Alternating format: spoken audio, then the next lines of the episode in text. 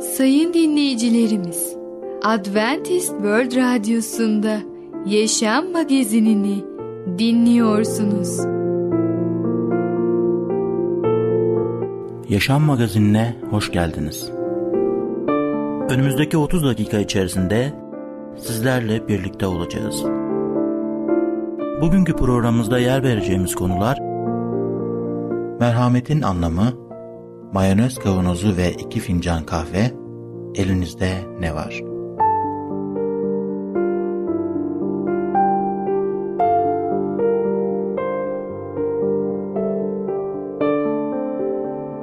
Adventist World Radyosu'nu dinliyorsunuz. Sizi seven ve düşünen radyo kanalı. Sayın dinleyicilerimiz, bizlere ulaşmak isterseniz e-mail adresimiz radio.umutv.org radio.umutv.org Bizlere WhatsApp yoluyla da ulaşabilirsiniz. WhatsApp numaramız 00961 357 997 867 06 00961 357 997 867 06 Şimdiki konumuz merhametin anlamı. Gerçek merhamet nereden geliyor? Merhaba değerli dinleyicimiz. Bereket Dağı'ndan Düşünceler adlı programa hoş geldiniz. Ben Tamer ve Ketrin. Bugün sizlerle birlikte olacağız. Bugünkü konumuz merhametin anlamı. Ketrin Hanım size yaşanmış bir hikaye anlatmak istiyorum. Biliyorsunuz ki Napolyon kendisi sadece büyük bir lider değildi. Ayrıca o imparatordu. Koskoca bir imparatorun başındaki devlet lideri. Ve bir anne evladı için, oğlu için yalvarmaya gelmiş imparatordan. Lütfen imparatorum, lütfen yardım edin oğluma. İmparator bakmış anneye demiş, ya nasıl yardım edeceğim? Hiç yardım etmeye hak etmiyor. Aynı suçu iki kez işlemiş. Aynı hakareti iki kez yapmış oğlunuz. Anne tabii ki ısrar etmiş. Lütfen ne olur ona merhamet gösterin. İmparator Napolyon bakmış anneye. Bakın demiş. Oğlunuz merhamet hak etmiyor. Kesinlikle kabul etmiyorum demiş Napolyon. Anne de demiş. Sayın İmparatorum merhamet zaten hak edilmiyor. Hak edilecek bir şey varsa o zaman o merhamet olmuyor ki. Onun hakkıdır.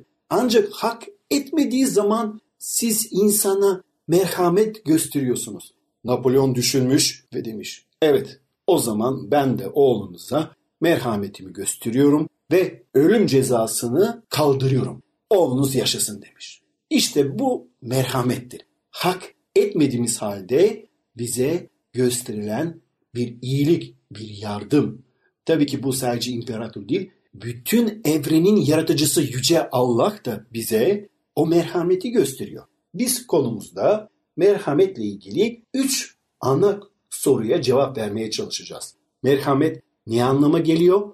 O da bugünkü konumuz. Merhamet hayatımızda nasıl görünüyor ve merhametin değeri nedir? Şimdi ilk soruyla başlayalım. Merhamet ne anlamına geliyor?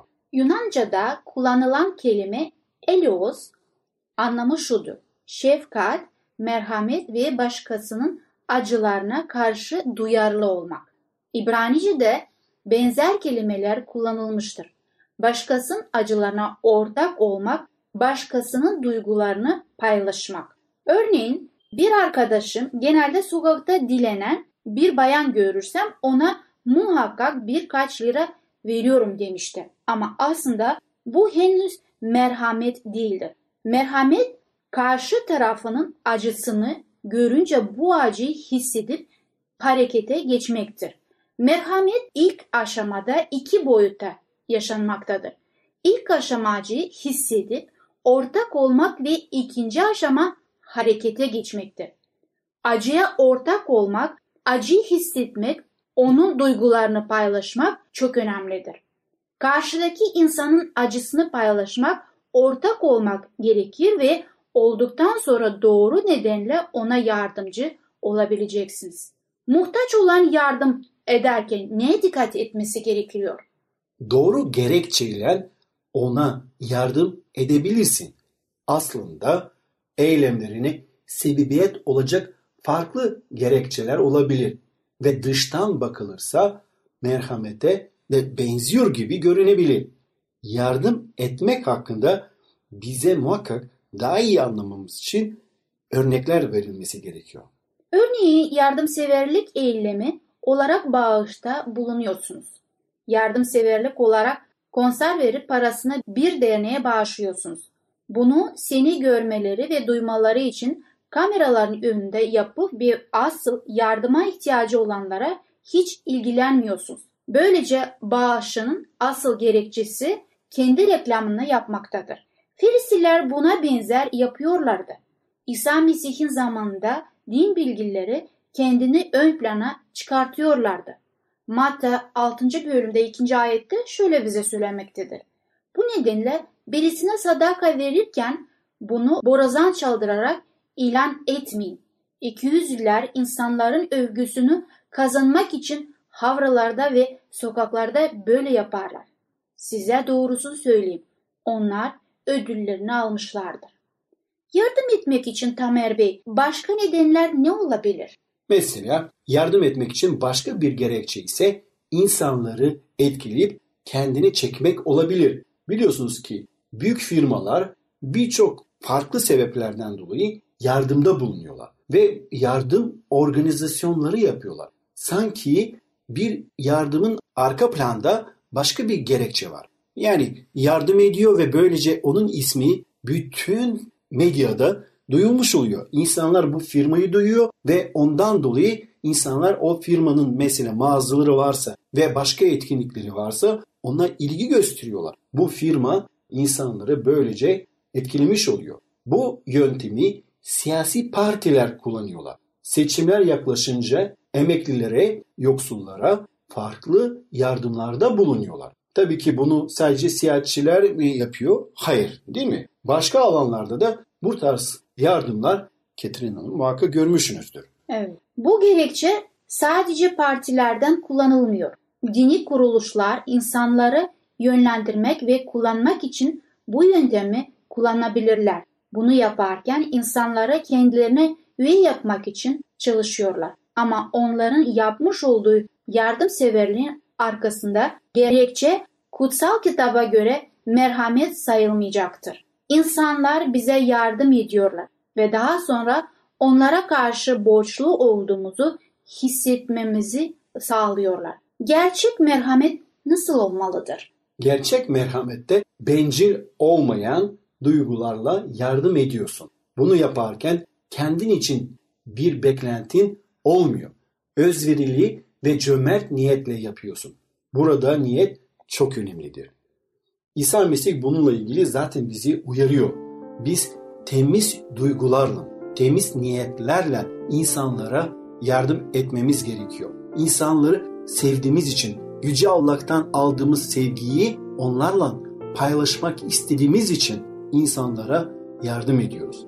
Değerli dinleyicimiz, bugün merhametin anlamı hakkında gerçekleri öğrenmeye çalıştık. Bir sonraki programda tekrar görüşmek dileğiyle hoşçakalın. Programımızda az önce dinlediğimiz konu merhametin anlamı. Adventist World Radyosu'nu dinliyorsunuz. Sizi seven ve düşünen radyo kanalı. Sayın dinleyicilerimiz, bizlere ulaşmak isterseniz e-mail adresimiz radio.umutv.org radio.umutv.org Bizlere WhatsApp yoluyla da ulaşabilirsiniz. WhatsApp numaramız 00961 357 997 867 06 00961 357 997 867 06 Şimdiki konumuz mayonez kavanozu ve iki fincan kahve. Hayatımız ne kadar dolar?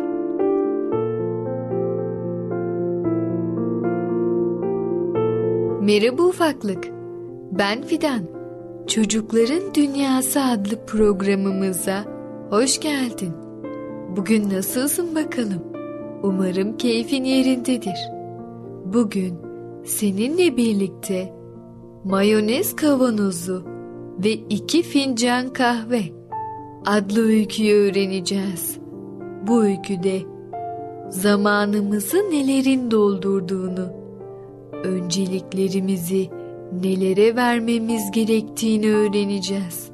Sen de kendini bazen çok meşgul hissediyor musun? Büyükler genelde öyle hisseder. Bakalım meşgul hissetmemek için önceliklerimizi nelere vermemiz gerekiyor? Mayonez kavanozu ve iki fincan kahve. Bir gün bir felsefe profesörü elinde birkaç kutuyla derse gelir. Ders başladığında hiçbir şey söylemeden kutuların birinde bulunan büyükçe bir mayonez kavanozunu kürsünün ortasına koyar ve içini ağzına kadar tenis toplarıyla doldurduktan sonra öğrencilere kavanozun dolup dolmadığını sorar. Öğrenciler hep bir ağızdan kavanozun dolduğunu söylerler. Bu sefer profesör önünde bulunan kutuların birinden çakıl taşlarını alarak kavanoza koymaya başlar ve her seferinde kavanozu çalkalar.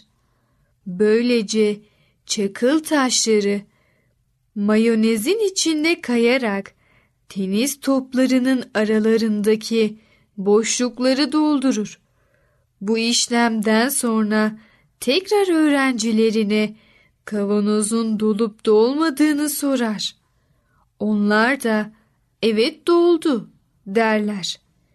Profesör bu defa masanın üzerindeki diğer kutuyu eline alır ve içindeki kumu yavaşça kavanoza döker.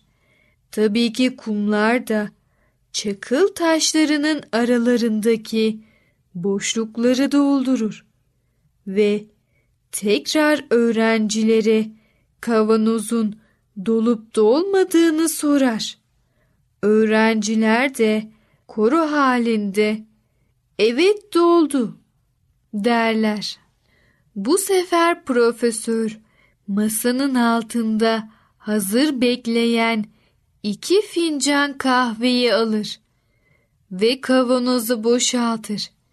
Kahve de kumların arasında kalan boşlukları doldurur. Öğrenciler gülerler. Profesör öğrencilerin gülüşünü destekleyerek evet der. Ben bu kavanozun sizin hayatınızı simgelediğini ifade etmeye çalıştım. Şöyle ki bu pinpon topları hayatınızda önem verdiğiniz şeyleri temsil ediyor. Aileniz, çocuklarınız, sağlığınız, arkadaşlarınız ve sizin için önemli olan diğer şeyleri. Diğer şeyleri kaybetseniz de bu önemli şeyler kalır ve hayatınızı doldurur. O çakıl taşları ise daha az önemli olan diğer şeylerdir. İşiniz, eviniz, arabanız gibi. Kum ise diğer ufak tefek şeylerdir. Şayet kavanoza önce kum doldurursanız diye anlatmaya devam eder. Çakıl taşlarına ve özellikle de tenis toplarına yeterli yer kalmaz. Aynı şey hayatımız için de geçerlidir. Vaktinizi ve enerjinizi ufak tefek şeylere harcar, israf ederseniz önemli şeyler için vakit kalmayacaktır. Dikkatinizi mutluluğunuz için önem arz eden şeylere çevirin. Çocuklarınızla oynayın. Sağlığınıza dikkat edin. Eşinizle yemeğe çıkın. Evinizin ihtiyaçlarını karşılayın. Öncelikle pinpon toplarını kavanoza yerleştirin. Öncelikleri sıralamayı bilin. Gerisi hep kumdur. Profesörün konuşması bitince bir öğrenci merakla sorar. Peki o iki fincan kahve nedir? Profesör gülerek bu soruyu bekliyordum. Hayatınız ne kadar dolu olursa olsun her zaman dostlarınız ve sevdiklerinizle bir fincan kahve içecek kadar yer vardır. Evet ufaklık, mayonez kavanozu ve iki fincan kahve adlı öykümüzü öğrendin. Bu öyküde önceliklerimizi ailemize, sağlığımıza, sevdiklerimize, arkadaşlarımıza vermemiz gerektiğini öğrendin. İş, okul ve diğer şeyler bundan daha sonra gelmelidir ve her zaman sevdiklerimiz için ayıracağımız küçük de olsa vakitlerimizin olduğunu öğrenmiş oldun. Sen de vaktini böyle doldur. Bir sonraki programımızda tekrar görüşene kadar kendine çok iyi bak ve çocukça kal.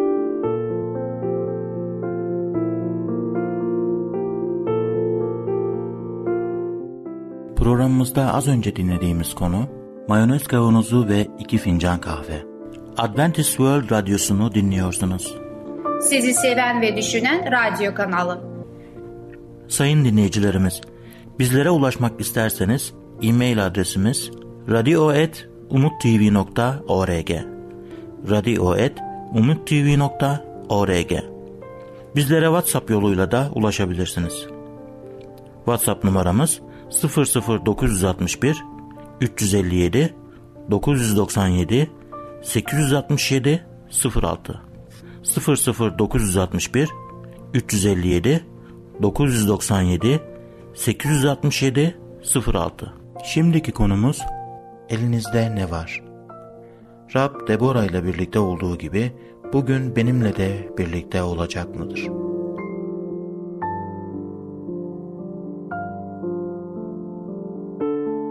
Sevgili dinleyicimiz merhabalar. Kadın Olmanın Gücü adlı programa hoş geldiniz. Ben Ketrin. Bugün sizlere paylaşmak istediğim konunun ismi Sizin elinizde ne var? Elinizdeki önemsiz gibi görünse de Allah ilk olarak elinizde olanla işe başlar. İlk başta Allah'ın bu soruyu Musa'ya sorduğunu görüyoruz ve bu sorunun hikmeti günümüze kadar ulaşır. Musa'ya yanan çalıda Allah'la karşılaşmış ve bu iş için doğru kişi olmadığına dair bütün sebeplerini saydıktan sonra Allah kendisine bir soruyla karşılık verdi. Çıkış kitabında dördüncü bölümde ikinci ayette bu soruyu bulabiliyoruz. Rab elinde ne var diye sordu. Musa değnek diye yanıtladı. Musa elindeki deneyin çok sıradan bir alet olduğunu düşünüyordu ve Firavun'un sınırlarına nasıl gireceği hakkında hiçbir fikri yoktu. Ne de olsa değnek, sopanın bir üst modeliydi ve deneyin olağanüstü bir şey olmadığını düşünüyordu. Tabii ki hiçbirimiz olağanüstü değiliz. Ta ki Allah elimizde olanı mesletmeye başlayana kadar. Şu örneklere bakın. Abigail'in elinde kendi payına düşenden hazırladığı bir ziyafeti vardı ve bununla can almaya kararlı bir grup onları durdurdu. Cial bir tokmak ve çadır kazıyla düşmanın ordusunu komutanını öldürdü. Şimşon bir eşeğin çene kemiğiyle bin kişiyi vurdu. Rut'un tarlalardan devşirdiği başakları vardı. Bir çoban çocuğu kral ilan etmek için Samuel'in Samuel'in mesletmeye yağı vardı. Filistinli şampiyonun yenmek için Davut'un yerinde sapan ve taş vardı. Kuşatma altında olan kuledeki isimsiz kadının değirmen taşı vardı. İsimsiz çocuğun beş ekmeği ve iki balığı vardı. Rabbin önünde kırılan isimsiz kadının İsa'yı meshettiği mermer bir kap içindeki yağı vardı. Rab bugün bizden sadece elimizdekini isterken bizse neden hep olağan dışı bir şeylerin arayış içinde oluyoruz? Rab meshettiğinde sıradan olan şeyleri sıra dışı olurlar. Onun sizin elinize koyduğu şeyi ona sunun. Elinizde ne var? Demek sizin bakımızda ve kontrolünüzde olan şeyler demektir. Bu mesela para veya mülk olabilir. Yetenek veya beceriler olabilir. Elinizde olan esirgemeniz veya vermek istememeniz genellikle kalbinizde yatanı ortaya çıkarır. Ben başarısızım diyebilirsiniz. Bugüne kadar ne yapmaya çalıştıysam başarılı olmadım. Bugün Allah'ıma sunacak elimde hiçbir şey yok düşünürsünüz. Ama unutmayın Musa'nın elinde basit bir değnek vardı. Bütün bu değnekle Allah Musa aracılığıyla Mısırların başına ne geldiyse onunla vermiş oldu. Bakın kendinize. Bugün en çok neyi yapabiliyorsunuz? Mutlaka hayatınızda bir şeyler yapabiliyorsunuz. Bir şeyler yapmayı beceriyorsunuz. Onu Rabbin önüne getirin. Rab da size bu durum aracılığıyla bereketini vermiş olacak. Biz zayıf olmakla ancak o zaman onun görkemliğini görebiliriz.